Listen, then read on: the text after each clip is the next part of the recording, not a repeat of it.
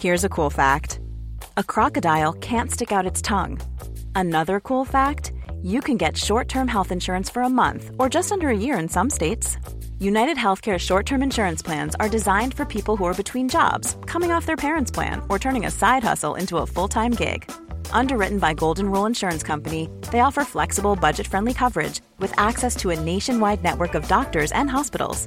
Get more cool facts about United Healthcare short term plans at uh1.com. Hey, I'm Ryan Reynolds. At Mint Mobile, we like to do the opposite of what Big Wireless does. They charge you a lot, we charge you a little. So naturally, when they announced they'd be raising their prices due to inflation, we decided to deflate our prices due to not hating you. That's right. We're cutting the price of Mint Unlimited from $30 a month to just $15 a month. Give it a try at mintmobile.com slash switch. $45 upfront for three months plus taxes and fees. Promo for new customers for limited time. Unlimited more than 40 gigabytes per month. Slows. Full terms at mintmobile.com. There's never been a faster or easier way to start your weight loss journey than with PlushCare. PlushCare accepts most insurance plans and gives you online access to board-certified physicians who can prescribe FDA-approved weight loss medications like Wigovi and Zepbound for those who qualify. Take charge of your health and speak with a board-certified physician about a weight loss plan that's right for you. Get started today at plushcare.com slash weight loss. That's plushcare.com slash weight loss. plushcare.com slash weight loss.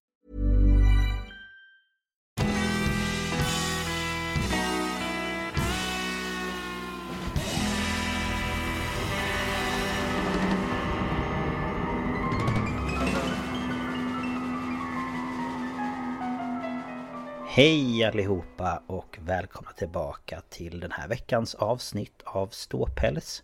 Och det är ju jag, Lukas Ternestål och... Ida Utterklo. Mm, Mm, sånt är det. det Ehm, blir tid. Ja men precis, det blir tid den här veckan. Ni kommer få det när ni ska få det. Gräll. Ja, det är du. Det skulle, hade ni inte räknat med. Vilken lyx. Mhm. Nej, den här veckan är vi på banan igen. Mm.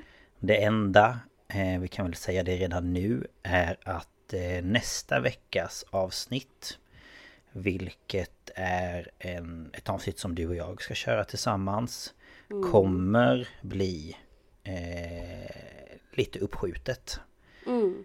Ehm, Och det är bara egentligen för att min mor kommer på besök Mm. Och, så vi eh, kunde vi- inte träffas nu i helgen. Så. Nej, och vi behöver sitta tillsammans och eh, planera det för det är ett avsnitt vi ska göra tillsammans helt enkelt. Mm, det är ju säsongsavslutningen för den här säsongen. Precis. Så, och där har vi ju lite av en tradition att, ja men i alla fall eh, så har vi ju antingen något special typ tema som vi har haft jul förut.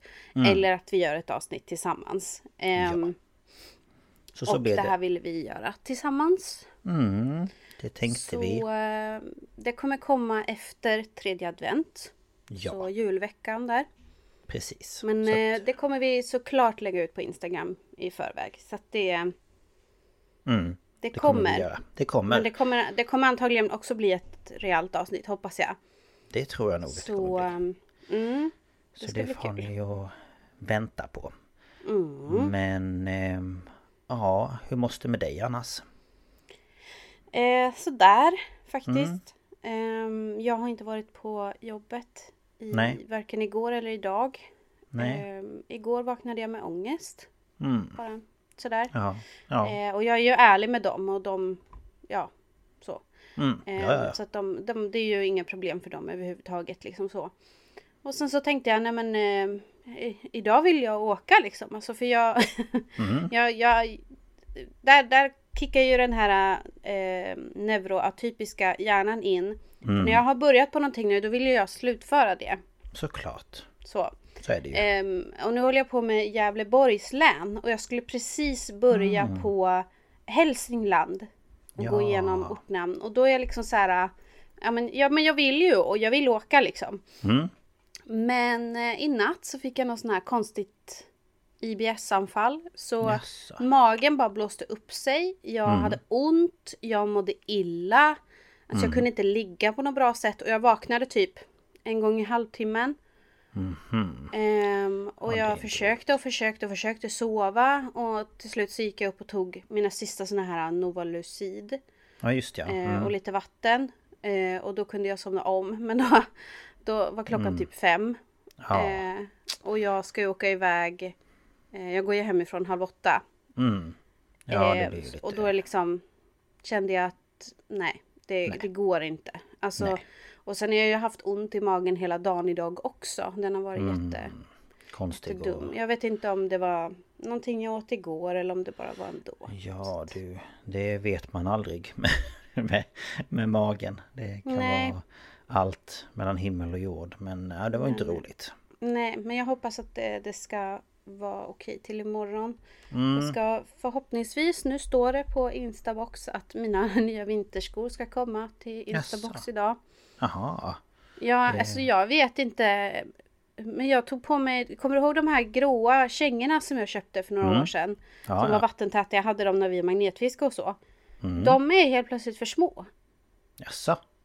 Eh, och jag pratade Mm. med min mamma om det där och de, hon säger men alltså man kan ändra skostorlek. Ja visst kan man göra Eh, det. och mina andra fodrade skor har dragkedjan gått sönder på. Aha. Ja, så då är det har jag så plötsligt inga. Nej. Men då beställde jag på H&M på Cyber Monday ett par för halva priset. Men de har fortfarande inte kommit. Och Instabox har velat lite från i, idag eller imorgon. Men nu står det idag cirka 18.20 så nu hinner de väl inte riktigt ändra sig. Nej, det får man väl hoppas att de inte gör. Ja. Det är ju snart. Då ska jag ju kunna stå ut med den här kylan också. Ja, fy. Usch. jag bara, usch, den här kylan. Ja, Mm. Men, men, eh, men eh, vad, det är väl bra med nya skor. Men resten var ju inte så jätteroligt. Men eh, går Nej. tågen och så då som de ska? Idag vet jag inte, men igår morse var det ju en frusen växel. Så då Ja. var det ju jättemycket förseningar på morgonen vet jag. Ja, för jag hörde att det skulle vara massor idag också. Jaha, ja, då har de väl Så- inte fixat den då. Så jag får väl se imorgon då. Ja, det är det jag tänker också så att du inte liksom... Ja, Man man, man, gör ju där, sig... nej. Ja, man gör ju sig mentalt förberedd på att gå och så bara... Nej, okej, ja ja. Och så får man Mm. gå hem igen. Det tycker jag är jobbigt. Ja, ja det är det ju. Eh, Men det lär väl Mm, stå, tycker jag. Ja, jag går in på Trafikverkets hemsida och kollar hela tiden. Så Mm. Ja. Det är så. Det ska inte vara något problem. Nej, det hoppas jag inte. Men hur är det med dig då? Jo, ehm, lite småstressad. Men jag tror att det är för att min mamma kommer imorgon. Och jag ska försöka... eh, jag ska spela in det här. Jag började städa igår. Men jag ska städa klart eh, lite idag. Jag tycker alltid att det är men, trevligt när man ska få... Få... Eh, gäster heter det ju, även om det är min mor. Eh, att eh, städa lite och fixa och så att det är lite fräscht och så hemma. Ehm, så att jag ska göra det. Ehm, sen, eh, nej men det rullar väl på. Det är som sagt väldigt kallt. Ehm, det ligger ju på några, några minusgrader så att säga. Mm, ska jag inte. Nej, så att det har varit lite jobbigt att ta sig till och från jobbet de här dagarna. Mm. Jag har ju cyklat för jag tänker att jag orkar inte lägga massa pengar på buss. Ehm, men det har gått. Men det har varit lite kallt om eh, kinderna och ögonen har typ så här vattnats och Mm. ehm, fryst lite i mustaschen och skägget och sådär men det har varit helt okej. Mm. Ehm, så att det det är väl egentligen Det är väl bra. Jag hade Vi spelade ju in mitt avsnitt i söndags och idag är det onsdag. Ehm, och då hade jag ju fortfarande lite konstigt i halsen. Alltså jag kände det efter vi hade spelat in att jag var lite trött i halsen. Mm. Och sen eh, i måndags började jag få ont igen. Så jag bara, fasen? Och sen igår hade jag ont. Men då idag så har jag tagit eh, värktabletter på morgonen. Och då, idag har det varit helt okej. Så jag vet inte vad det är som bråkar. Mm. Ja men det är väl bra att det känns mm, att det går att Ja. Det är bara eh, jobbigt att det inte riktigt verkar vilja släppa. Men jag får väl se om det håller i sig. Får jag ju eh, gå till doktorn såklart och fråga om de kan kolla i min hals. Mm. vad det är för någonting. Men eh, nej, det är väl bra. Tycker jag. Mm. I det stora hela. Ska ni, ska ni hitta på något speciellt med din mamma när hon kommer? Eh, ja, det brukar bli lite sådär. Vi brukar ju alltid pussla. Eh, vi har ett pussel vi inte har hunnit färdigt med. Eh, och sen ska vi på lördag ska vi till... Eh, först hade vi tänkt att vi skulle till Villa Anna på eh, Afternoon Tea. Men nu har de bara så här eh, jul... Eh, men, julbord och julmiddagar och mm. sådana där grejer. Så de hade inget. Så då kollade vi runt lite och så bestämde vi oss för stationen och där har vi ju varit en gång innan. Men mm. det var trevligt så vi ska dit igen och äta afternoon tea. Mm. Ehm, och sen ska vi eh, väl göra ett litet mini-julbord någon dag. Ja, jag tänkte säga, ska ni inte ha kalkon? Ja, jag tror att det blir nog kanske lite mer eh, juligt. Alltså någon skinka och lite sånt som mm. vi brukar göra. Mm. Och sen vet jag att hon vill äta sushi en dag. För det brukar hon mm. alltid vilja när hon kommer upp. Mm. Ehm, och lite sånt. Det blir väl lite, lite gott och blandat. Vi brukar kunna hitta mm. på grejer. Ehm, så det ska bli trevligt. Om nu tågen går som de ska. ja, jo. I och med den här kylan. Det också. Men, och allt eh, skit. Så att eh, hon ska komma imorgon i alla fall. Torsdag. Mm. Och så åker den på måndag. Mm. Mm. Kul. Ja, det är alltid eh, Ja just det, jag, jag, måste ju säga grattis till min mamma. Hon fyller år idag. Ja just När vi spelar ja. Vi spelar in på onsdag den sjätte. Och man, min oh. mamma fyller år idag så grattis mamma. Mamsen. Du får... Eh, om, ja, nu hör hon kanske detta men annars får du hälsa henne. Du får grattis ja. från mig. Hon fick ehm. sin eh, födelsedagspresent av mig och pappa förra veckan redan för jag kunde inte vänta. Nej. Nej. Så, jag vet inte om jag får säga hur gammal hon blir så jag låter bli det. Det, ja, det kan vi lämna här, här. Men eh, hon fyller år i varje fall. Mm. Och det är Finlands nationaldag idag. Ja, Eller självständighetsdag kanske ja. de säger. Ah, det var därför. Vi har ett barn på min, min avdelning som eh, har eh, finska som eh, modersmål. Eller, mm. eller hans mamma kommer från Finland. Eh, mm. Så han har sån här, ehm, eh, vad heter det, eh, modersmålspedagog som kommer mm. till honom en gång i veckan. Och idag gjorde de den finska flaggan och jag var så här, varför gör de det? Alltså så här, man kan ju göra det ändå liksom så, men ja, ja. förstår men, jag. Ja, men då vet du det. Varför de satt och pysslade med det. Det har jag, det har jag fått lära mig för jag hade ju en, en finsk eh, klassförståndare i högstadiet. Mm -hmm. Ja, ja, ja. Nej, då vet jag. Jag bara... Mm. Eh, då fick jag svar på min fundering. Så vad säger man till lycka med dagen Finland? Har den äran Finland. Nej, men vad säger man? Glad säger. Eh, självständighetsdag eller? Jag vet Bra inte, kämpat. säger de nationaldag Nej. eller säger de självständighetsdag? Nu måste jag kolla. Ja du. Google. Det vet jag faktiskt inte. Nej men nu gick jag in på Gmail. Ja det var inte riktigt samma sak. Frågan Och så vem? söker vi på sjätte des... Nej men snälla någon. 6 december Finland. Det är Finlands självständighetsdag. Jaha. Den dagen räknas som landets nationaldag och är flaggdag. Och det är för att de 1917 förklarade sig självständiga från Finland, äh, Ryssland. Jag bara, från Finland. Okej. Okay. Ja, verkligen ja. då grattis eh, på självständighetsdagen. Ja, det tycker jag definitivt. Det, det får ni fira. Mm. Mm. Så det är, det är en firandets dag idag. Både yeah. för Finland och för mamma höll jag på att säga. Ja, precis. Mina bröder kom i söndags och hade mm. med sig filtar och kuddar till deras nya soffa och en Just jättestor julstjärna och, mm. och, choklad och vad det var. Och mig, fick hon, och mig och pappa fick hon eh, te, mm. eh, chokladdoppade mandlar, eh, polkagrisbitar. Det tycker hon jättemycket om. Mm. Och så fick hon en sån här nacklampa som man kan ha när man stickar och virkar och så. Ah, smart. Mm. Det blev hon väl glad för hoppas jag. Ja, gud ja. Mm. Ja, mm. lille mamsen fyller år. Mm. Mm. Så Med är betoning det. på lilla. Vad sa du? Med betoning på lilla. Ja. Hon är inte lång hon. Nej.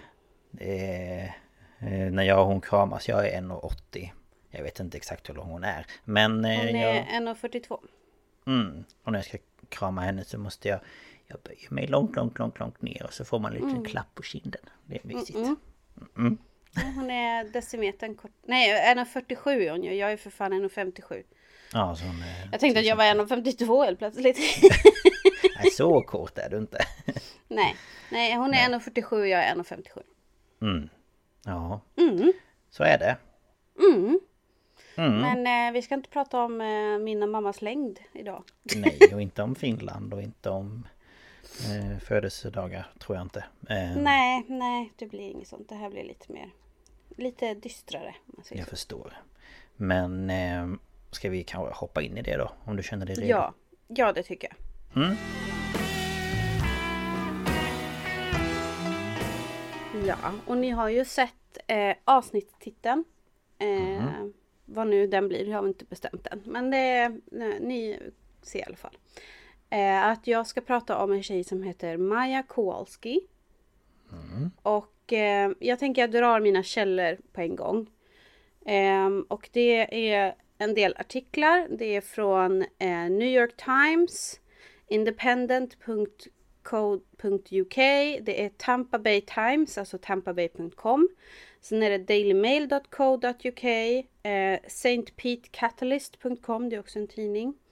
Mhm. Och sen har jag varit inne på doktorn.com, eh, neuro.se, fass.se, läkemedelsverket.se, who.int. Och eh, sen har jag tittat på Netflix-dokumentären Ta hand om Maja från 2023. Och sen har jag varit inne på Youtube, på Law and Crime Network och kollat på så mycket jag har hunnit av eh, rättegången som precis avslutades. Mm. Ehm, Ja, och det sa jag- du ju förra avsnittet att det var 32 dagar? Ja, du? ja.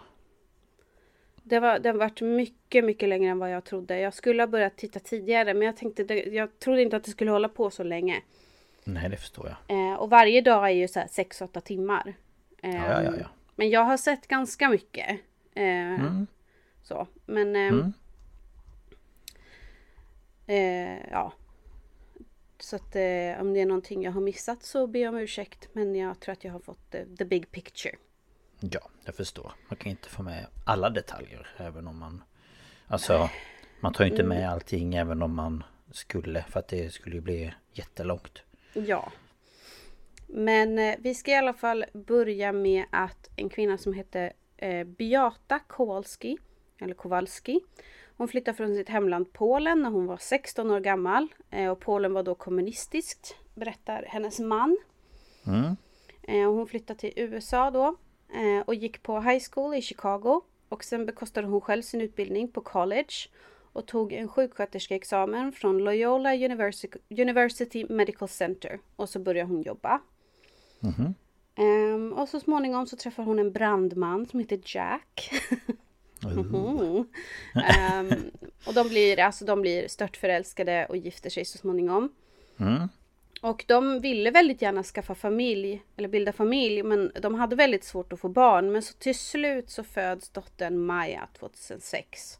Mm. Och Jack han beskriver Beata som en underbar mamma och han liksom, hon, hon ville att Maja skulle ha allt i världen liksom. Och Ja. hon fick pianolektioner och hon eh, gick på polska lektioner så att de skulle, hon skulle kunna polska.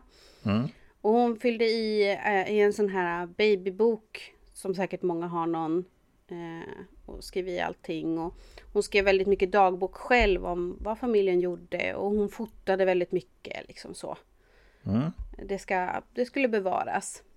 Och Ja. sen 2008 så föds Majas lillebror Kyle.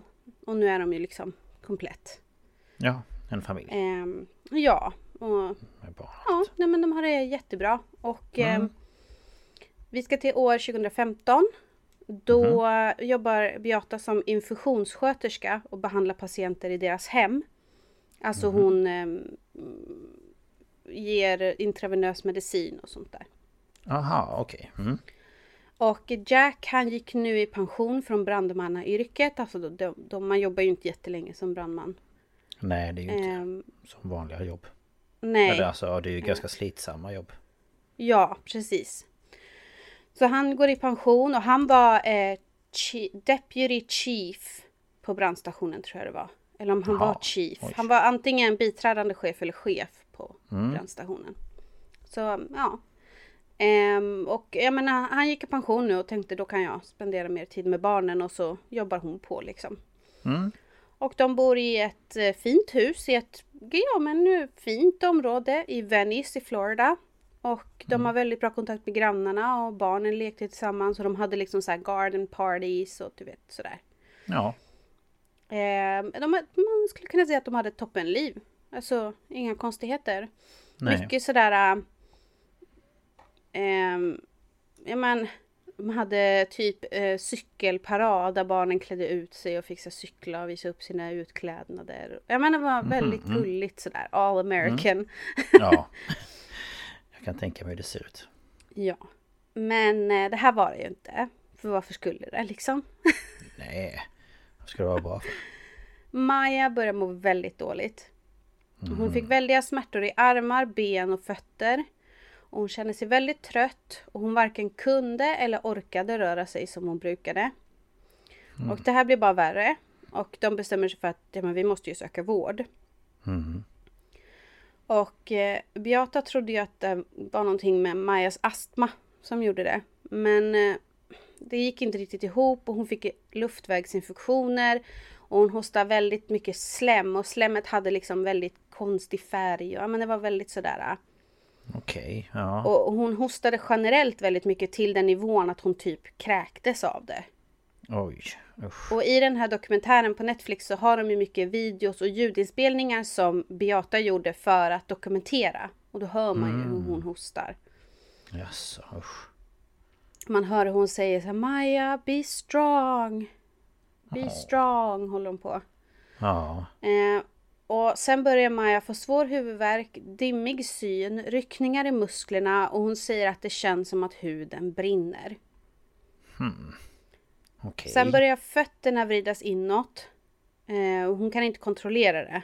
Eh, och till slut kan hon inte gå. Hon kan inte lägga sin kroppsvikt på benen eller fötterna överhuvudtaget. Men fy. Och pappa Jack berättar att de kunde ju ha- vakna och höra henne gråta på nätterna för att hon hade så, hon, så ont. Men de är ju helt handfallna.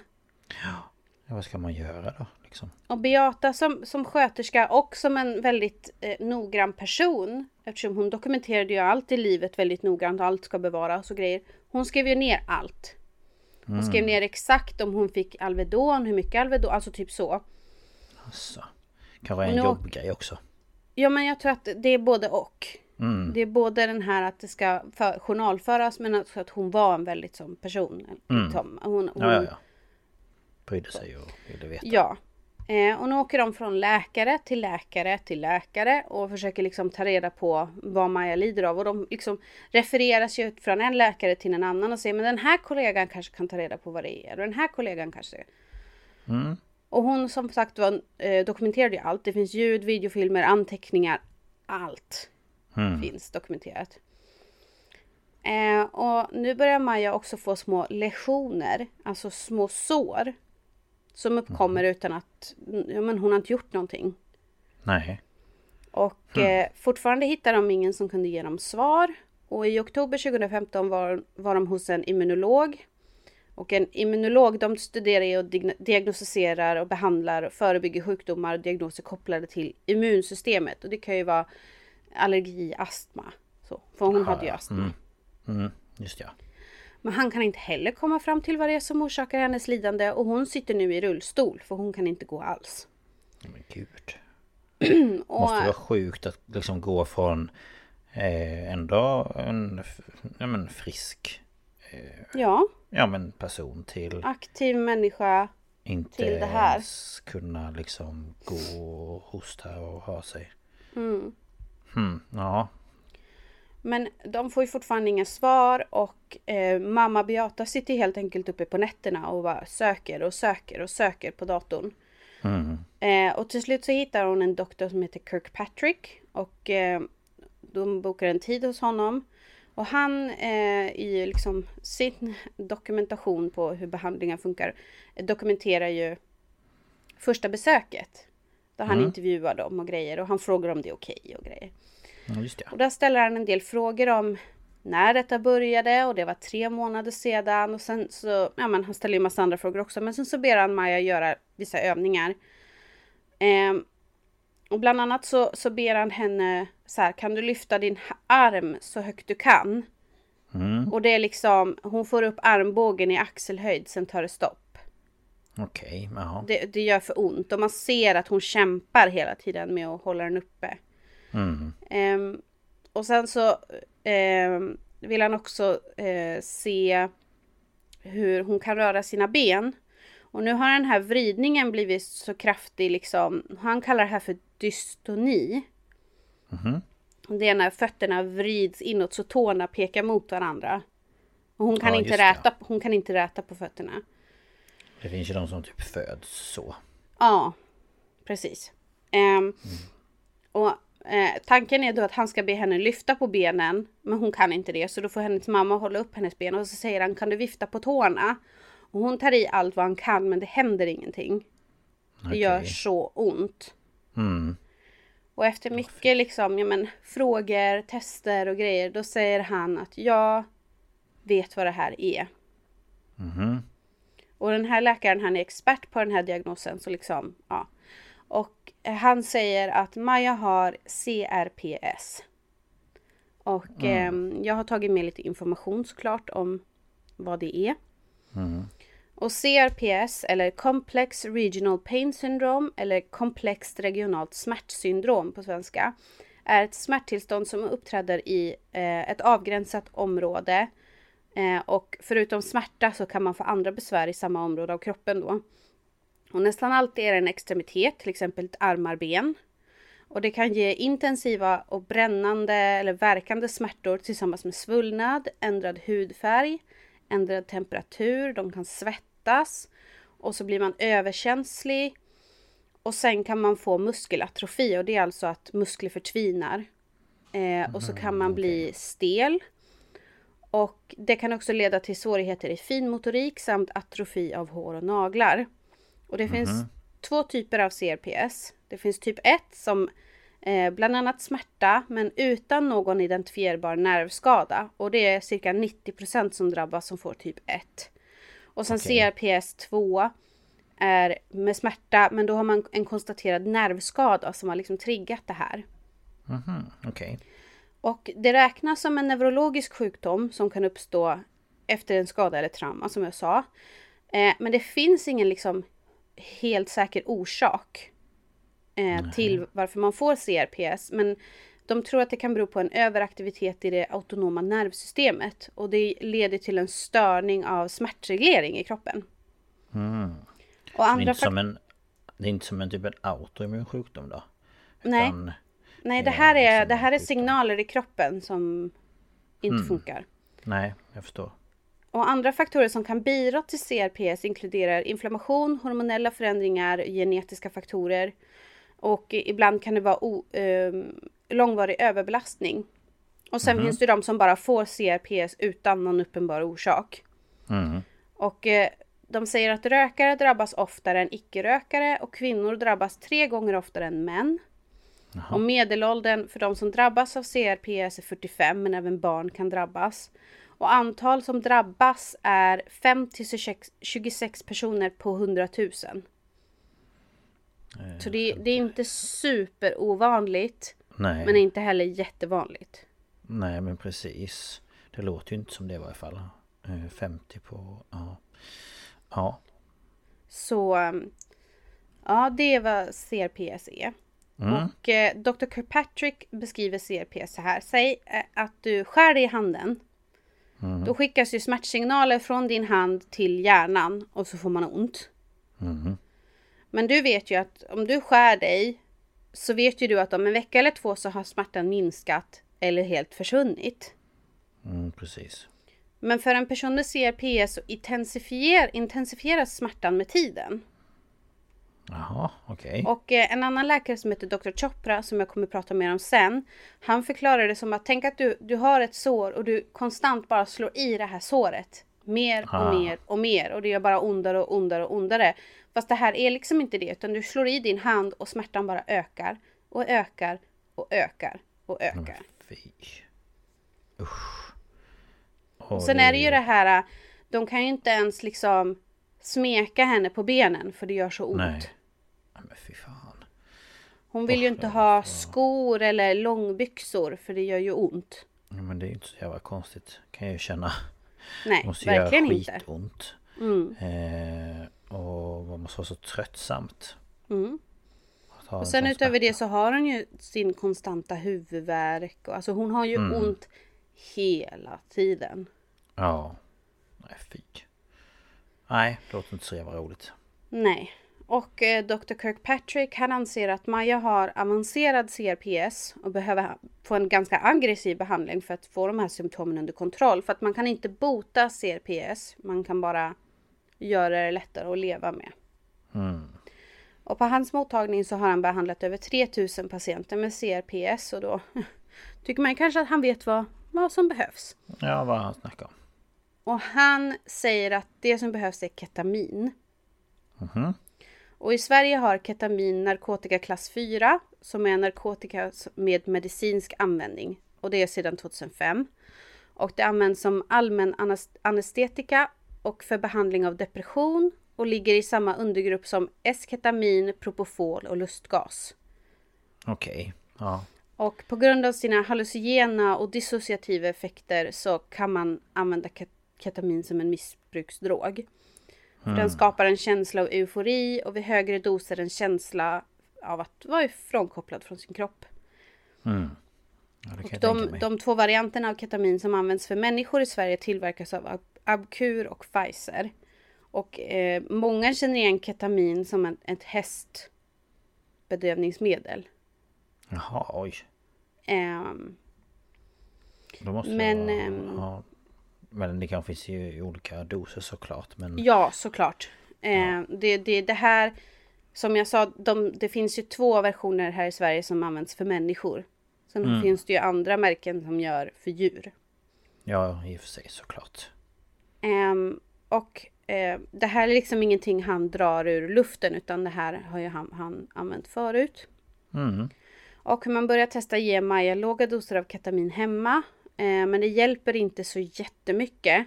Och då föreslår Kirkpatrick en mer drastisk behandlingsmetod, nämligen ketaminkoma. Alltså. Och det som händer då är att man söver patienten och ger en dos av ketamin som är upp till 50 gånger starkare än normalt. Och så håller man patienten sövd i fem dagar. Och den här behandlingen finns bara i Mexiko och den är riskfylld och dyr. Men familjen känner ändå att ja, men vi måste ju testa. Mm. Eh, och det som, det som den här ketaminkoman ska göra då är på något vis är liksom nollställa systemet. Aha, okej. Ehm, så att den liksom ska stänga ner det här smärtsystemet och starta upp det igen. Och så ska det vara bättre. Jag är ju sån inte, jag är inte läkare. Ja, Nej, men eh, ja. det är så jag har fått, förstått det. Mm. Men i november 2015 så åker de till Monterrey i Mexiko. Och eh, Maja genomgår en ketaminkoma. Och hon har inga större komplikationer mer än att ja, men hon mår illa och sen är det väldigt så här vivid dreams. Men det är ju för att det är en sån, Ja, eh, ja sånt ämne. precis. Men eh, den 22 november så väcks Maja upp. Och hon mår mycket bättre efter behandlingen och med hjälp av fysioterapi så blir hon bara starkare och starkare. Men eh, när de kommer hem sen så har de inte råd med Kirkpatricks vård. Så han rekommenderar dem till sin kollega Dr. Hanna. Och han tar emot familjens sjukförsäkring. Så han tar över rollen som vårdgivare. Och han vet, och han är också liksom familjär med den här diagnosen. Mm. Och han ordinerar då låga doser ketamin till Maja som hon ska ta hemma. Ja. Och liksom, ja men, då vet de ju också att hen, hennes mamma har liksom koll. Och, ja. Ja, och ja. hon eh, kan så småningom återgå till skolan. I en början, till en början så får hon ju åka, får hon ha rullstol. Men sen så går hon i kryckor och så, så småningom så lever hon rätt så normalt liksom. Jaha. Det är ju... Ja, det är ju fantastiskt det. Ja, ja verkligen. Det visar ju att det här har ju gjort någonting. Mm. Verkligen. Eh, men det håller ju inte i sig, tyvärr. Nej, nej, nej. Och den 7 Såklart. oktober 2016 så får Maja vad de kallar för ett återfall av sin CRPS. Och hon får då bland annat fruktansvärt ont i magen. Och så såklart benen. Och Jack och Biara bestämmer sig för att de måste åka till akuten med henne. Och Biara hon är ju på jobb. Så hon, han, han ringer ju upp henne medan hon kör bil och grejer. Och så åker han in till Johns Hopkins All Children's Hospital i Petersburg, Florida. Och när han kommer dit så säger han Maja har CRPS. Och, vi, och så ger han eh, över telefonen med Beata som kan förklara eh, förklara liksom. Och, och, hon säger att hon har Naltrexon och eh, oralt ketamin, alltså antagligen tabletter, mm. som hennes läkare ordinerat. Men det är ingen på den här akutmottagningen som eh, ens vet vad CRPS är. Nej men gud. Jaha. Eh, och innan vi fortsätter så, eh, jag är inte opartisk i det här. Bara så att Nej. alla vet om det. Eh, och mm. det kommer märkas på mig. Eh, ja, okay. Men jag är mm. inte opartisk, så är det bara. Nej. Det går, Det, jag, kan, jag kan inte vara det. Nej, jag förstår. Eh, ungefär en timme senare så kommer Beata till sjukhuset. Och eh, hon säger om och om igen att Maja måste få ketamin. Mm. Men det är ingen som lyssnar. Och till slut så ger sjukhuset en låg dos av ketamin, men det här är ju inte tillräckligt. Nej. Och då är det en läkare som är med i rättegången, eh, eller en tidigare rättegång, som han heter Dr. Farhan Malik, eller Malik, och han förklarar att eftersom de inte ser någon förbättring i hennes tillstånd när hon får lite ketamin, så börjar man nu ifrågasätta om hon ens har CRPS. Och då har hon alltså varit på sjukhuset i typ några timmar. Ja. Ehm, men eftersom Maja inte får den dos av ketamin som hon behöver så börjar nu Jack och Biara diskutera om man ska plocka bort henne från sjukhuset och åka hem. Alltså skriva ut henne. Det får man ju göra. Ja, ja. Men då får de veta att om de försöker lämna sjukhuset med Maja så kommer vakter tillkallas. Men varför då? Ja, för att de vet ju inte om det här, men personalen på sjukhuset har nu kontaktat CPS, alltså Child Protective Services. För de misstänker att Maja får illa. Nej. Ja, okej. Okay. Mm. Det är ju... Eh, ja. ja. Jo, det... Man bara... Ni kanske kan bara lyssna en liten stund på vad det är jag försöker säga. Mm. Men det här är ju som sagt var ingenting som familjen får veta. Um, och ett par dagar senare så är pappa Jack hos Maja på sjukhuset och uh, ja, men deras eh, primary nurse, hon går ut ur rummet och in kommer en kvinna som han förklarar som en, en kvinna med långt brunt hår. Mm. Um, och det vi vet är att det här är Dr. Sally Smith, men enligt Jack så presenterar hon sig inte. Inte för någon av dem, utan hon tittar bara på dem och börjar ställa frågor. Och de tänker ju, ja men hon måste ju vara en läkare här, så de svarar ju på alla frågor. Och hon frågar saker som, vad är det för fel på Maja? Var behandlas hon? Alltså vilken vårdgivare. Mm, ja. Vad för mediciner? Och hur kan du gå med på att hon får så här höga doser av sina mediciner? Och sådär. Och efter tio minuter så lämnar hon rummet. Okej. Okay.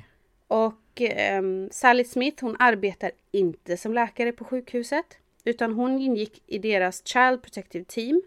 Och är anställd på Suncoast Center som eh, är ett företag som då anlitas av C, CPS och eh, de beställer då medicinska rapporter. Ja. Om man misstänker att ett barn far illa och det här är då i Pinellas County i Florida som det här gäller. Mm. Så hon är alltså anställd på ett företag som gör medicinska rapporter åt CPS. Så hon går bara in dit och bara så här Nej. Ja, så hon, har ju, hon har ju tillåtelse att gå in på sjukhus. Det är ju inte att hon har smugit ja, nej, nej. sig in. Men eh, hon nej, jobbar inte bara... på sjukhuset. Hon är inte läkare på sjukhuset. Nej, men det är det jag menar att det känns hon... ju dumt. Familjen vet ju inte det. Nej. Hon påstår ju att hon hade namnbricka och att hon såklart då har presenterat sig. Men både Jack och Maja säger att hon inte gjorde det. Nej, det kan jag tänka mig.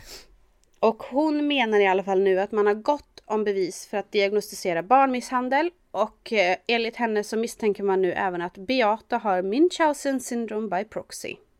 Mm -hmm. Och lite kort kan vi förklara att det är, eh, räknas som medicinsk misshandel av barn. Och det är alltså att en förälder är både, alltså om man tar Gypsy Rose till exempel, hon, hon trodde ju att hon var så sjuk Precis. Eh, alltså föräldrarna tutar i både barnet och vårdgivare att barnet är sjukt och de hoppar ofta mellan läkare för att Inte inte, bli inte bli upptäckta, påkomna. liksom. Eh, och de alltså hittar på sjukdomar, allvarliga sjukdomar på sina barn. Mm, som de behöver liksom ligga inne för eller liksom få Ja. jättemycket vård för och sådär. Och om ni inte har hört talas om Mummy Dead and Dearest eller Gypsy Rose Blanchard så kolla upp det. Eh, hon kommer för, förresten ut snart. Eh, Ja, ja, du skickade det till mig. eh, men det, de menar ju att eh, Beata har Munchausen by proxy.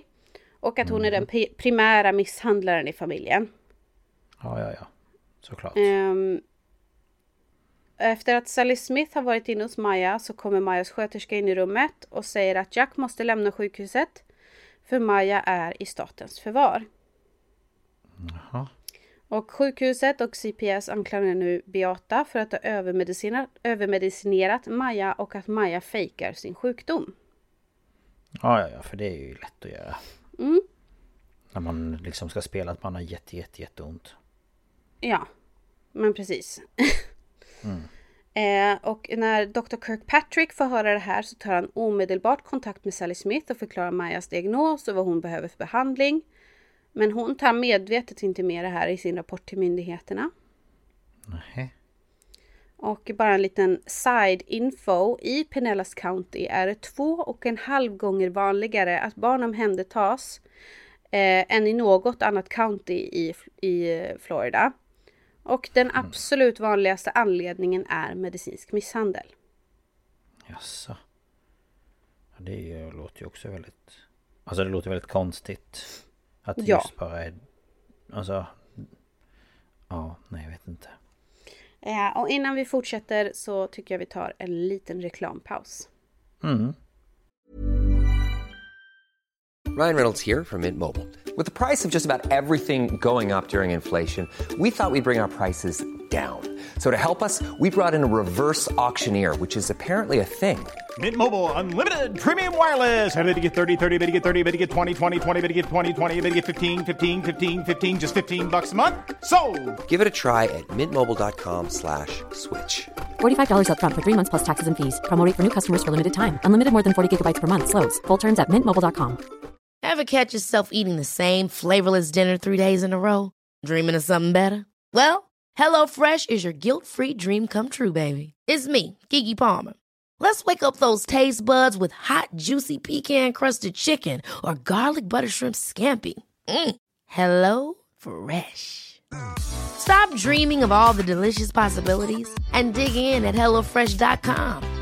Let's get this dinner party started.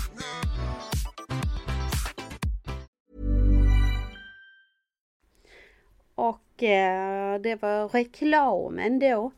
Ehm, och nu så är det så att Jack och Biara, de får inte träffa Maja. De får inte heller prata med henne i telefonen. Men Biara hon accepterar inte detta utan hon ringer och frågar hur Maja mår och vill visa att hon bryr sig. Ehm, Jack försöker låta det vara för att inte orsaka mer friktion mellan dem och sjukhuset och det här orsakar dålig stämning i familjen.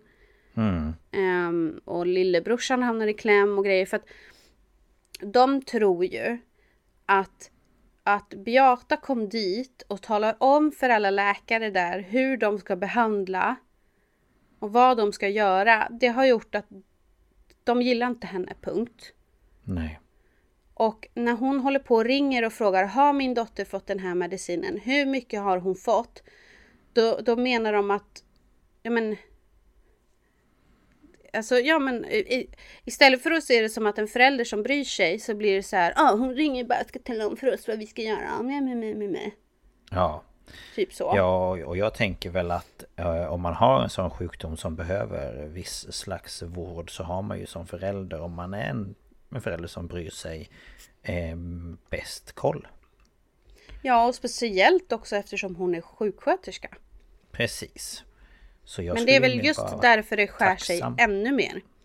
Och sen så ska vi ju också, i det här måste vi också tänka på att deras system är inte som vårat. Nej, jag vet. Det här sjukhuset är ju inte som till exempel akademiska. Att när en läkare gör något fel så läxanmäler du dem. Och det liksom går till en annan myndighet och det är liksom så. det här är ju vinstdrivande företag. Ja, ja men precis. Det är det det handlar om. Det måste vi ha i åtanke. Ja. Att det ser Det- inte alls ut på samma sätt som det gör här. Nej, och då... Nej, precis. Och då vill man ju inte göra... Alltså, man vill ju ha gott rykte om sig och... Ja, och det ska vi också tänka med den här Sally Smith. Det centret som hon är anställd på, det är också ett vinstdrivande företag. Så de får ju in mer pengar på att göra fler rapporter till CPS. Såklart. Så, bara, bara ha det i åtanke. Mm, ja. Ehm, men den första fasen av ett omhändertagande här då är den så kallade skyddsfasen och då ska en domare med hjälp av barnskyddsutredarens preliminära rapport bestämma var barnet ska placeras. Och den 14 oktober så hålls skyddsförhöret och båda föräldrarna är närvarande, är närvarande och där bestämmer domaren att det ska utfärdas ett kontaktförbud mellan Maja och Beata. Och Maja placeras i då CPS förvar på sjukhuset. Och det här är en sån chock för Beata så hon svimmar ju faktiskt och ambulans får tillkallas. Det kan jag verkligen tänka mig. Att alltså, det är en chock och att hon blir... Ja, ja gud ja.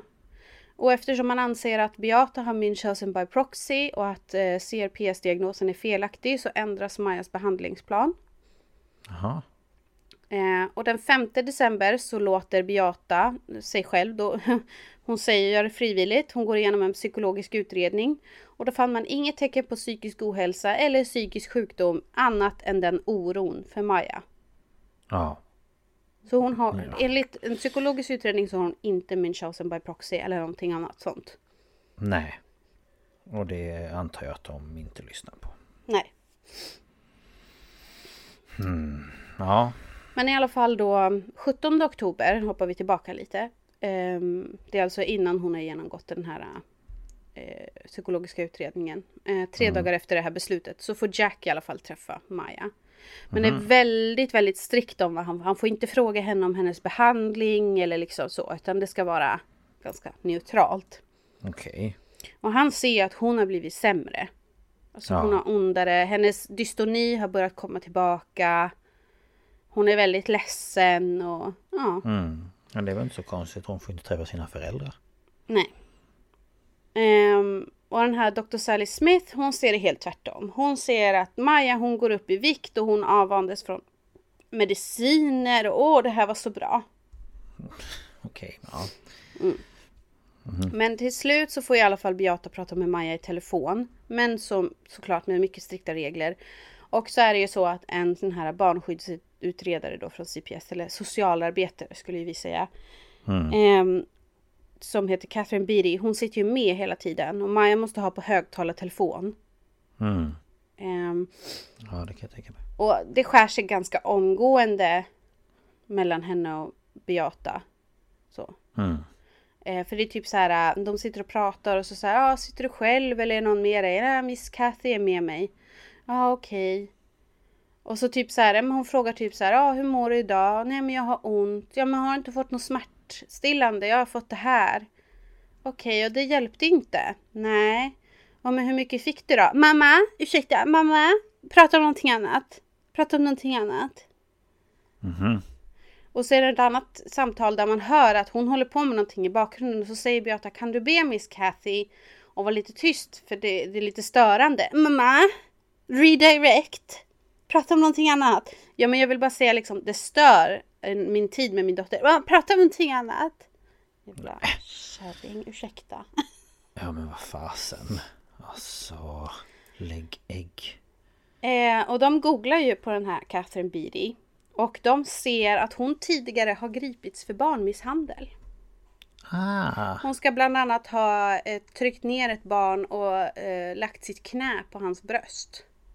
Ja, ja, ja, men det... Men de här fallen har ju lagt, lagt, lagts ner. Mm. Ja, såklart de har. Och Maja berättar ju senare att Catherine sa till henne att hon skulle hamna på barnhem och att hennes mamma var inlagd på en psykiatrisk institution och att hon skulle adoptera Maja. Mhm. Man bara, så för så säger man ju till ett barn. Ja, eller gör man? Nej. Eh, det har också visat sig att hon har tagit foton av Maja för att dokumentera hur hon ser ut och sådär. Det är väl till någon jävla rapport. Men hon har alltså gjort det här mot Majas vilja. Hon har alltså klätt av Maja så hon har typ en sport-bh och shorts och tagit kort på henne. Fast Maja har sagt nej, nej, nej, jag vill inte. Hmm. Ja det borde väl inte vara lagligt kan man ju tycka. Nej man kan ju tycka det. Men äh, ja.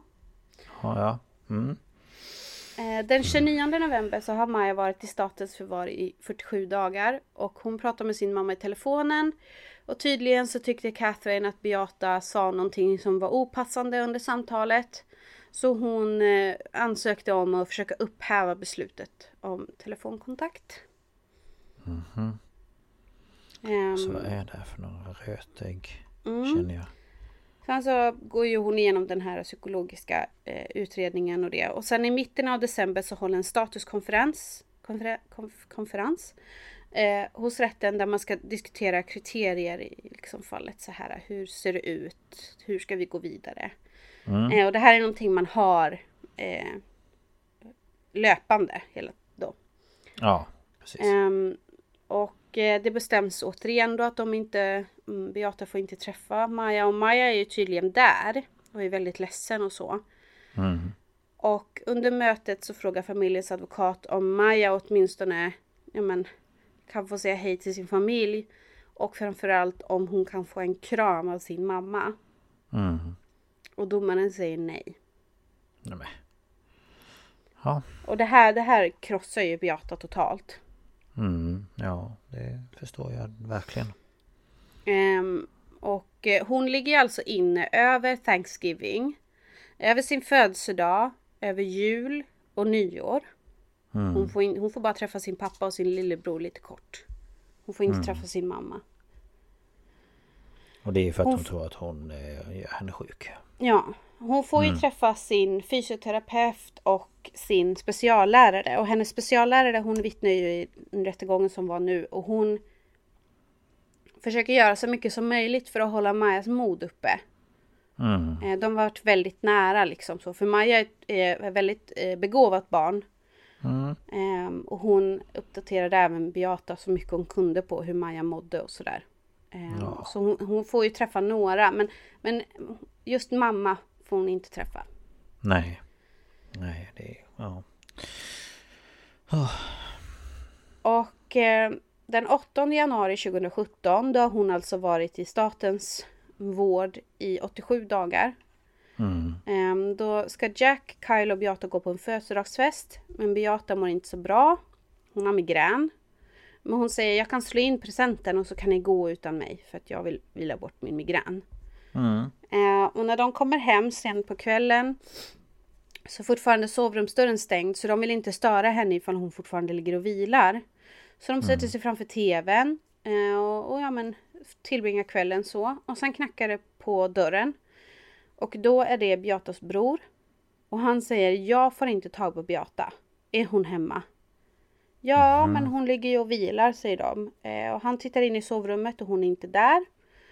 Och då börjar de titta igenom huset och brorsan går ut i garaget.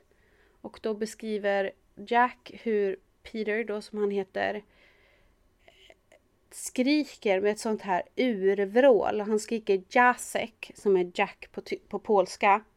Mm. Och han skriker det. Han sa liksom det gick rakt igenom en. Och han mm. fattar ju vad som har hänt. Mm. Och det som har hänt är att de hittar Beata, livlös i garaget där hon har hängt sig. Nej. Och man ringer ju 911 men det är alldeles för sent för hon är redan kall. Och de ja. spelar upp eh, larmsamtalet i den här dokumentären. Ja. Och hon har skrivit ett brev till domaren där hon berättar exakt hur hon kände när han sa nej till en kram. Och att mm. hon, eh, ja men hon blev helt förstörd och allt, att, ja. allt hon vill är att hennes dotter ska få komma hem. Mm. Och till Jack har hon skrivit att hon helt enkelt inte orkar behandlas som en brottsling längre. Och att nej. hon inte klarar av att, att inte få träffa Maja. Och hon ser sin död som det enda sättet Maja kan få komma hem. Ja, men fy. Usch. Vad hemskt. Så hon alltså... dog ju då 40, 43 år gammal tror jag hon var. Mm. Nej men usch. Vilket mm. var fruktansvärt. Och eh, kort efter Beatas till, eh, bortgång så tillåts ju... Maja får ju såklart komma på mammans begravning. Eh, hon sitter då i rullstol. Och sen så tillåts ju Jack eh, att ta Maja till en specialist på Rhode Island. Och det är Dr. Chopra. Och han kan säga, han är... Han är... Um, um, han lät sig inte köras över när han var vittne i den här rättegången, det kan jag säga. Jävlar Jaså. alltså. Ja men det... Sådana behövs. Ehm, och jag kommer komma eh, lite senare till exakt vad han säger. Men de åker i alla fall till honom. Och han träffar då Maja, utvärderar och fastställer diagnosen CRPS. Och han är alltså smärtspecialist. Alltså, okej. Och han skickar in sin rapport till rätten och kort därefter får Jack tillbaka vårdnaden av Maja och hon får komma hem 13 januari 2017 efter 92 dagar i statens vårdnad. Utan sin mamma. Ja, och rätten beslutar att Maja inte får genomgå behandling med ketamin. Så det tar ett år av fysioterapi innan hon går från rullstol till kryckor. Och ytterligare ett år innan hon kan gå utan kryckor. Okej. För att de inte vill att hon ska... För att hon inte får ta ketamin. Ja, Okej. Mhm. Men det har ju Hon funkat är- tidigare. Ja, men det är ju... Ja. Ja, ja. Men eh, tack vare att Beata dokumenterade precis allt som hände, alla mejl, alla samtal, allting. Så har man tillräckligt för att stämma Johns Hopkins All Children's Hospital, Suncoast Center och Sally Smith. Och fyra år efter Beatas död 2021 så börjar de första förhandlingarna på distans, för det var ju pandemi. Ehm, just och där får ju då Jack, Maja och Kyle vittna. Ehm, och i april 2022 så är teamet i slutskedet av förberedelser inför rättegång. Och den 4 april 2022 så ska man välja jurymedlemmar. Men bara två dagar innan så får man veta att det skjuts upp. Alltså, Det här är något som har hänt förut. Och det är helt enkelt för att man kan inte komma överens om skadestånd ska ingå som... mhm. Ja, alltså ja. Mm. den grej i själva domen. Ehm, och den 5 april 2022 så får familjen Kowalski tid för att vädja om en rättegång. Eh, och trots advokatteamets hårda arbete så tas fallet bort från rättegångskalendern. Och Maja som har skrivit ett uttalande till rätten tillåts inte heller att tala. Nej. Varför inte Så då? det- Det... vet man inte. Nej men de tyckte inte att det var appropriate. Nej. Man bara, det är väl hon som har drabbats av den här skiten. Ja. Men, ja. Eh, En journalist som intresserar sig för familjens fall kollar upp sjukhuset och eh, hon ser att det är inte bara familjen Kowalski som har råkat ut för det här utan det är ett flertal familjer som har råkat ut för typ exakt samma sak. Inte samma Jaha. diagnoser på barnen men samma smak, smak, sak. Smak. Ja, sak. Ja. Och Jaha. den som har varit ansvarig för rapporterna till CPS är ingen mindre än Dr. Sally Smith. Vad konstigt. Vilken, vad, vilken, vad heter det? Mm. Mycket Vilken... eh, märkligt. Och det är, ja. vissa, det är vissa av föräldrarna som, alltså någon satt ju inne i, i tre månader, någon satt inne ett år. För, för alltså barnmisshandel som inte fanns. Ja. Hon måste ju vara sjuk i huvudet. Alltså den här Sally. Jag gillar inte henne, punkt. Alltså jag behöver bara se ett Nej. foto på henne så blir jag arg. Jaså. Så är det. Jävla kärring. Ja. Ehm, hon ser inte trevlig ut. Alltså överhuvudtaget. Nej. Och sen så som hon beter sig är ju inte bättre då. Mm, nej. Eh, och i december 2021 så godkände man en förlikning mellan Sally Smith, eh, Suncoast Center och familjen då. Så de är inte med i den här stora rättegången som var nu. Det var på Nej, sjukhuset. ja, ja. var, vad, så- vad eh, kriterierna i förlikningen vet, det vet inte jag för jag fokuserar inte på det. Nej. Men hon vittnar ju i den här rättegången fortfarande. Mhm, okej. Ehm, Den 7 oktober 2022 godkände äntligen appellationsdomstolen familjens begäran att yrka på skadeståndsersättning.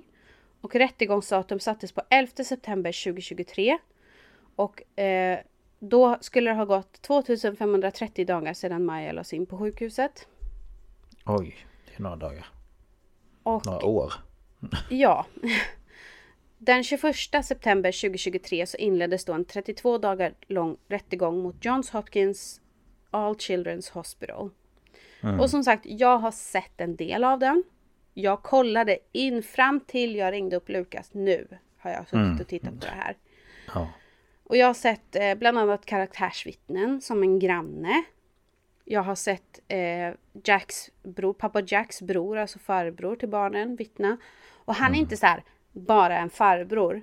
Han har Nej. alltså varit polis, utredare för grova brott med inriktning på barnmisshandel. Jaha. Och han har aldrig sett några tecken på att barnen har farit illa. Nej. Och det borde han ju definitivt ha gjort. Ja, man tycker ju det. Ja, Ehm. om man inte blir så blind för sin egen familj. Men det tycker man ju inte Ja, att man borde man, bli. nej, alltså man borde ändå se tecken liksom. Ja. Man tycker det. Ehm, man får också se, som sagt då, Majas speciallärare som jag pratade om, hon vittnar ju. Ehm, Jag har sett ehm, eh, fysioterapeuten, eller hon är inte fysioterapeut. Men hon är liksom ehm, en assistent till fysioterapeuten, så det är hon som är med på träningstillfällena. Jaha, okej. Eller jag ska säga, vi har ju inte så här, här är det ju fysioterapeuten. Men Ja, om du tänker så. att fysioterapeuten ger dig ett träningsschema och sen har de en som är utbildad som kommer och hjälper dig liksom. Mm, ja, ja, ja. Jag förstår. Ehm, hon är supergullig by the way. Mm.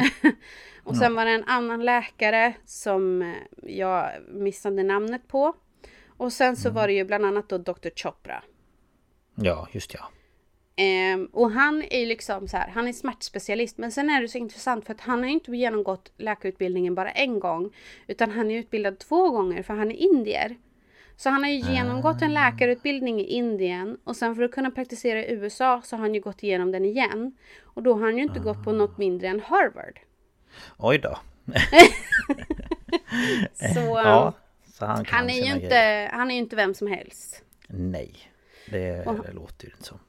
Och han berättade jag ju, eh, gjorde ju den här rapporten som gjorde att Jack fick tillbaka vårdnaden. Och han tittade ju bland annat på om, om eh, Maja led av EDS, Ehlers-Danlos syndrom, eller vad heter det? Mm, ja, när man har överrörliga leder och smärta Mm. och så. Men, men eh, det passar inte in. Så han Nej. fastställde ju diagnosen CRPS. Precis. Och han är ganska hård, eller han är hård i sitt vittnesmål och säger rakt ut Juryn måste få veta sanningen. Jag tycker de har gjort så här, alltså så. Och han så när, när det var sån här cross, contam- eh, cross contamination, cross interrogation, Ja. eh, där då sjukhusets försvar, alltså de var så här, ja ah, men gjorde du det här eller anser du det här, ja eller nej? Han bara, så jag kan inte svara ja eller nej. Ja men svara Nej. ja eller nej. Han bara, nej för att juryn måste ju få höra. så, Ja. så. Ja. Men han, han säger i alla fall, eller han menar att sjukhuset, när de valde att ta bort ketaminet, orsakade onödigt lidande och Mhm. förvärrade Majas tillstånd. Han förklarar också Majas behov av så hög dos ketamin. Hon fick 1000 milligram på fyra timmar. Det är väldigt okej. högt. Ja, ja, ja. Eh, men han berättar ju då att hon hade ju astma. Och då fick hon steroider mot astman. Och det här gjorde då att hon pro- producerar mer av det enzymet som bryter ner ketamin. Alltså, du har ju enzymer som bryter ner mediciner du tar. Ja, ja, precis. Och det här enzymet då som ökas av steroiderna är det som bryter ner ketamin och därför måste hon ju ta högre dos ketamin. Ja, för att för det ska bli... Ja, ja men såklart. Det är ju ganska självklart. Även för någon som inte är läkare. Precis, och han förklarar också att WHO eller Världshälsoorganisationen, och det här har jag dubbelkollat på deras hemsida. Han förklarar att de har en lista över essentiella läkemedel eller en lista över nödvändiga läkemedel. Och den innehåller de läkemedel som anses vara de mest effektiva och säkra för att möta grundläggande behov i ett hälso och sjukvårdssystem. Och ketamin finns med på den listan. Jaså, den gör det? Han berättar också att ketamin är inte beroendeframkallande. Nej. Du får inga såna här eh, abstinens. Nej. Ingenting sånt. Ja, så då skulle det, då fanns det ju egentligen ingen oro kring att hon skulle liksom ja men utveckla något slags beroende för det här. Nej. Ehm, Nej, för han berättar så här, ja men säg att du får en ny höft och du får ketamin varje dag i tio dagar. Sen ska du gå hem och du inte får ketamin. Ja men du, du okej. ja, då är det fine liksom. Ja. Det är inte som att du tar liksom och drar en lina och sen vill du ha en till. nej, nej, precis.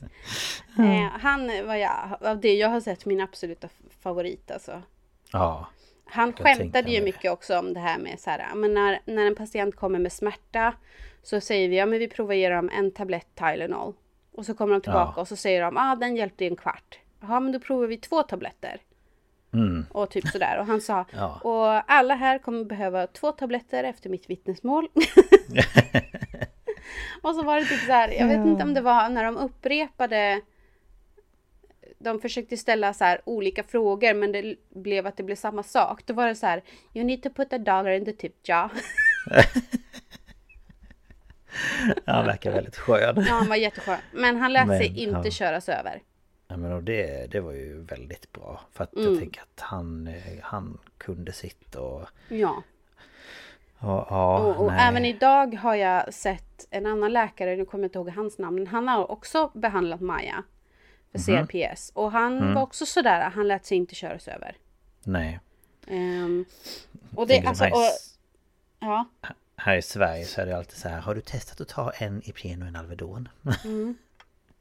Har du provat att suga in luft i lungorna?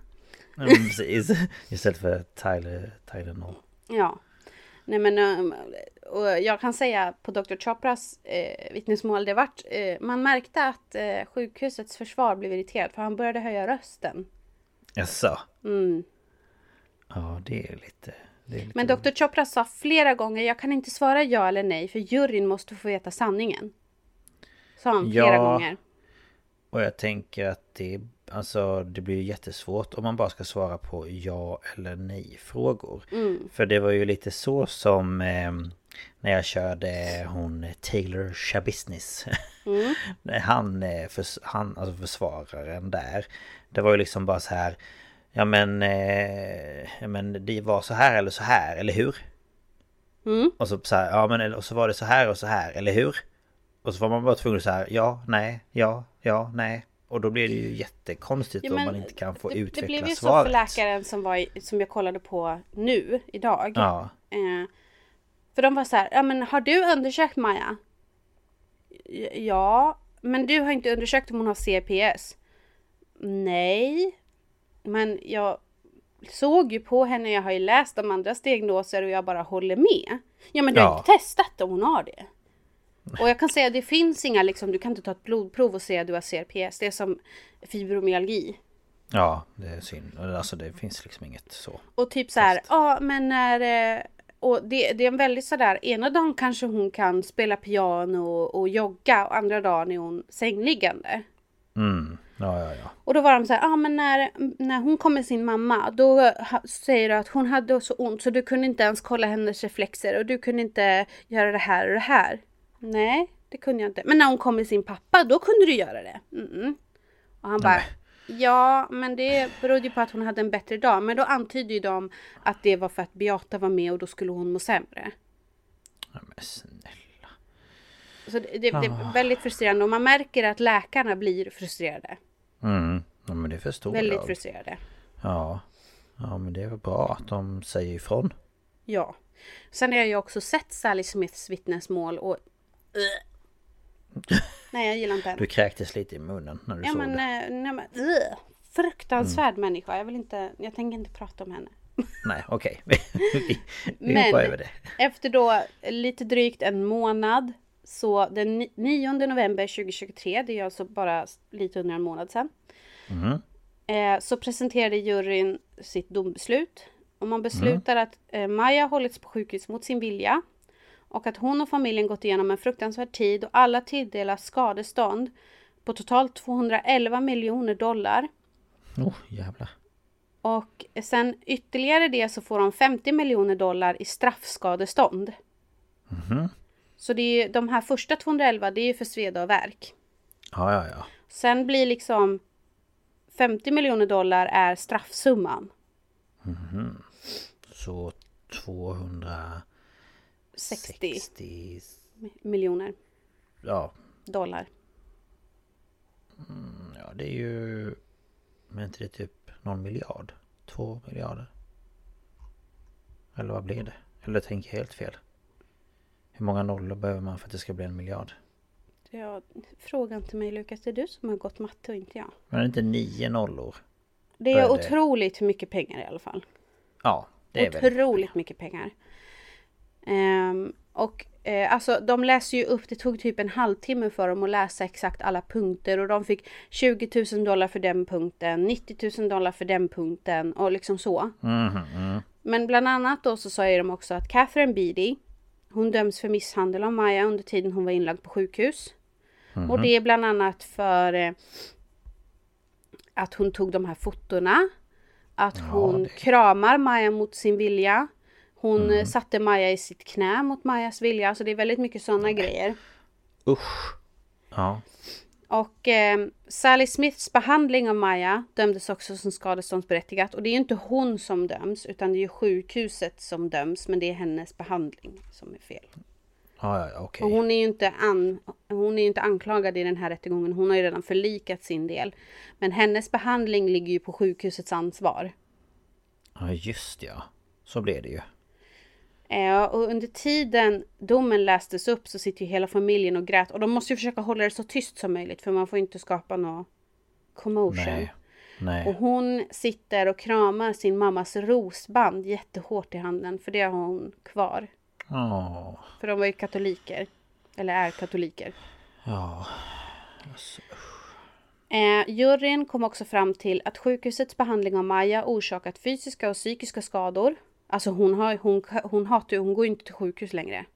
Hon, hon får ju panik. Konstigt. Eh, sjukhuset befinns ansvarigt på alla punkter inklusive falska, falskt fängslande som de säger. Alltså de har Ja, hållit henne. imprisonment. Ja, misshandel och att avsiktligt tillfoga både Maja och hennes mamma Beata Kowalski känslomässig ångest.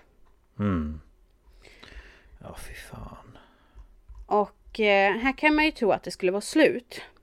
Mm, jo, det hade man kunnat tänka sig. Men eh, sjukhuset de vill nu ha en eh, retrial, alltså en ny rättegång. Och eh, har bett domstolen att beordra intervju med jurymedlem nummer ett. Som också är juryns, eh, vad säger man, förman, juryns ordförande. Mm, Eh, just och det här är då enligt en motion som lämnades in den 22 november. Mhm. Och ehm, en edsvuren försäkran bifogad till motionen hävdar att det förekom potentiellt skadligt och förmodligen skadligt be- beteende av jurymedlemmen med hans fru. För det är så här att juryn de eh, fick ju gå hem emellan saker på rättegången. Alltså för dagen så fick de ju gå hem. Ja, ja, ja. Inte som på vissa fall där de, måste, där de får bo på hotell. Nej. Ehm, Men advokater för sjukhuset har hävdat att ett inlägg på sociala medier av både nämndemannens fru och eh, han själv efter rättegången är bevis på att paret hade olämpliga samtal under rättegångens gång. Alltså han får inte prata med sin fru om det här. Nej, nej, nej. Inte någonting för de vi pratar om. Advokaterna hävdar att jurymedlemmens fru publicerade eh, information, eh, information, insikter och åsikter om fallet på flera Youtube-kanaler med början den 13 oktober. Inklusive information som hon bara kunde ha fått från sin man, menar de då. Och det här är bland annat anteckningar som skickats till domstolen från juryn.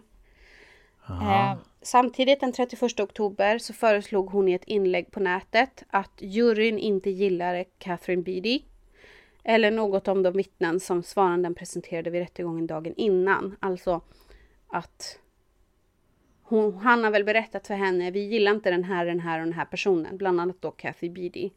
Mhm, ja, ja, ja. Och att hon har publicerat det här på nätet. och närmast dagligen så var jurymedlem eh, Eds fru online i timmar och var väldigt engagerad i kommentarerna kring rättegången. Både i realtid, antagligen på sändningen då, och efter att rättegångsdagen hade avslutats och juryn skickats hem. Mm. Och i motionen så påstås det också att nämndemannens fru, eller ja, jurymedlemmens fru, deltog i rättegången personligen den 30 oktober. Eh, och eh, alltså att hon satt där eh, som Ja, åhörare. som- ja, precis. Och att hon då eh, på sociala med, med, medier, känd som Jules, då publicerat saker. Och eh, eh, advokaterna beskriver det som demonstrativt inbäddat inbäddad i kärandena. Alltså hon tar ju väldigt starkt en sida. Ja. Jo. Och sjukhusets advokater sa att jurymedlemmen inte uppmärksammade domstolen på att hans fru var i rättssalen. Och eh, advokaterna anklagar också jurymedlemmen för att ha orsakat, eller skapat en delad partiskhet till kärandens fördel, alltså familjens fördel. Samt att på felaktigt sätt göra research på internet om frågor i målet. Okej, jaha. Så vi får se. Ja, så det har inte liksom... Eh, Det är har inte bestämt än. nej, okej. Det var ju bara den 22 och det var ju förra måndagen. Jaha. För, förra ja, ja, måndagen måste det ha varit. Nej, vad var det? När var den 22? Det vet jag inte. Ja, det är två veckor sedan idag.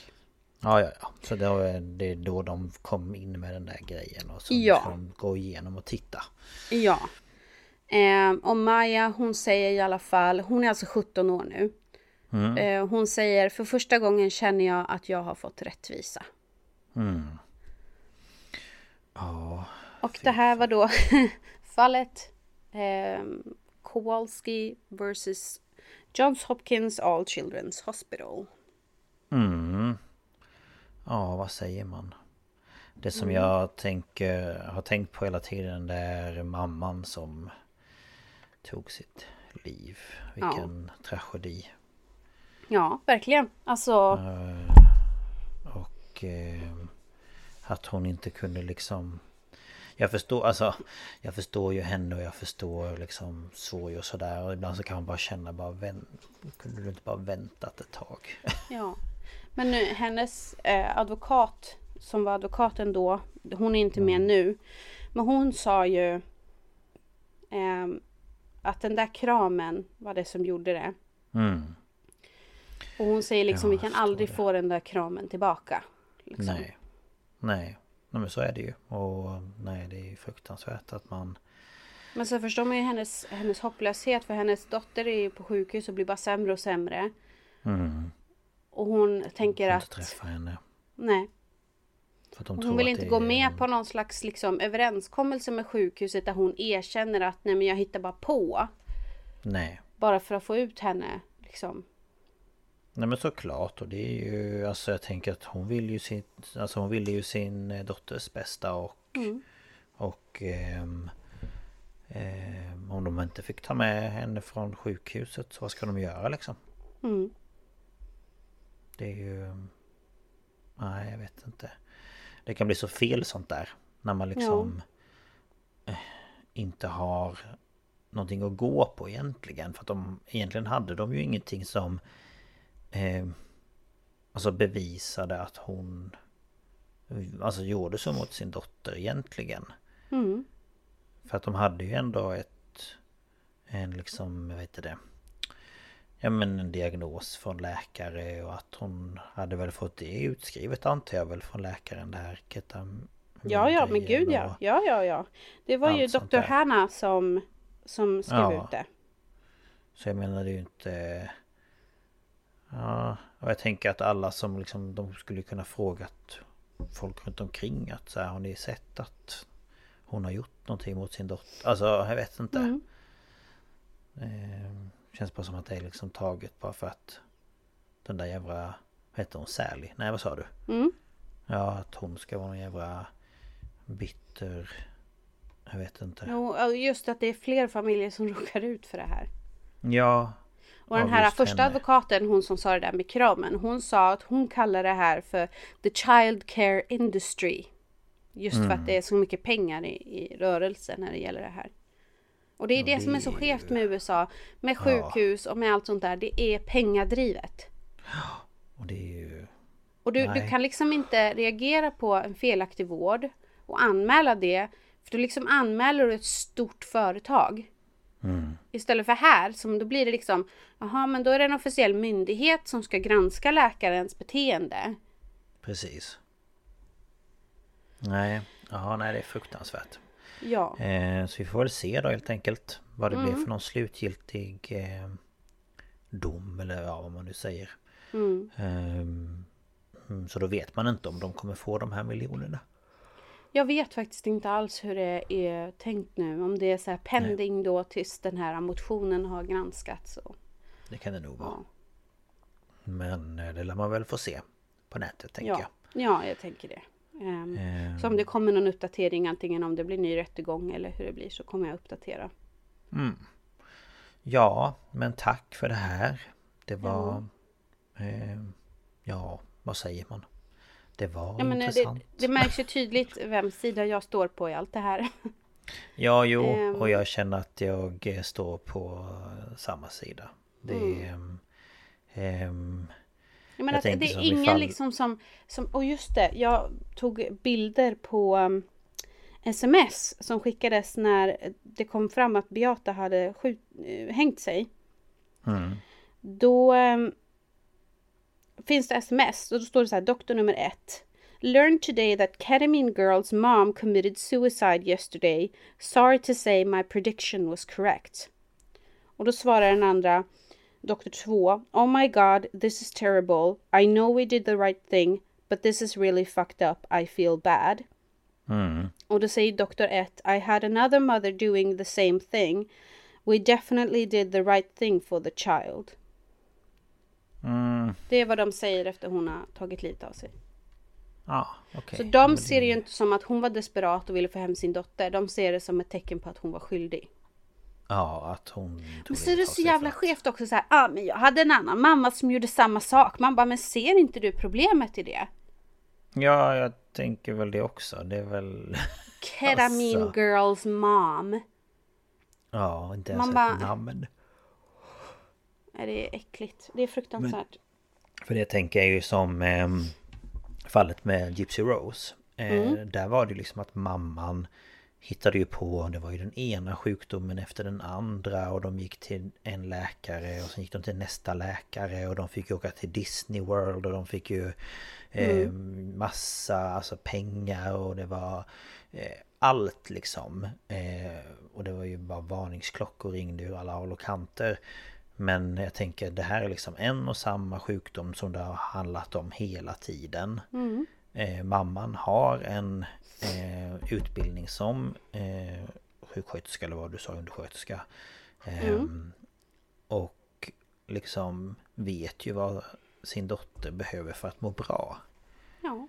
Eh, hon, alltså jag tänker hon var ju inte vanvårdad eller liksom... Nej, De tyckte ju det. Jo, jo, men jag tänker att hon Men, eh, kan ju inte ha sett... Alltså jag tänker man kan ju gå liksom så här, ja men... Ja, luktar hon mycket? Liksom har hon inte duschat på länge? Har hon trasiga kläder? Nej, något sånt var det absolut inte. Ser hon undernärd ut? Eller alltså... Nej, alltså jag tror att det saker. hela startades med att hon kom in där och sa till de här på sjukhuset vad de skulle göra. Och de bara, eh, ursäkta, Mm. Nej. tala inte om för mig, jag ska sköta mitt jobb. Och där, där började det liksom. Ja, fruktansvärt. Mm. Ja, nåja. Tur att man inte lever där, så att säga. Ja, jo. Det är, det är ett land med många problem. Ja, det kan man ju säga. Ja. Mm. Men eh, ja, det var det för den här veckan. Helt ja, enkelt. det var mitt sista egna bidrag den här säsongen. Mm, Ehm, det eh, har gått sno äh, snoppt. Nej, det har det inte gjort. Det har gått snabbt. Ja, det har det verkligen. Ehm, Så nu blir det ett avsnitt till, som sagt. Mm. Och det får ni hålla utkik på Instagram när det kommer. Mm, precis. Om ni Och- har Instagram vill säga. Annars får ni hålla utkik i eran, där ni lyssnar på podden helt enkelt. Ja. Och eh, vår Instagram är ju... Eh, Staphals podcast. Mm, så följ oss där. Eh, och annars så om man vill kontakta oss på något annat sätt så går det jättebra med mail. Och det är staphalspodcast.gmail.com Och det här skrivs i avsnittsbeskrivningen som vanligt. yes. Box. Inga konstigheter. Nej, det är bara att in och titta där och ha sig och ja. Va? Jag vet inte. Jag tror Lukas börjar bli trött. Jag är lite trött faktiskt. Men det har varit eh, spännande att lyssna på detta. Mm, det. Eh, ska jag kolla på dokumentären. Ja, det rekommenderar jag verkligen alla att göra. Ehm, Mm. För det är mycket information där som jag kände jag kan inte ta med det för det blir för mycket. Jag förstår. Så Men eh, det ska vi göra. Mm, jättebra. Men eh, det var ju det vi hade för den här veckan. Jag får önska en trevlig andra advent. Mm, det får ni ha. Och så ta hand om er. Försök att ta det lugnt ute om det är halt. Ta hand om er och... Eh, ja, allt sånt där. Mm, Bli så inte hörs sjuka. vi ju... Nej, precis. Eh, och sen så hörs vi ju i sista avsnittet. Det gör vi. Hej då! Hej då!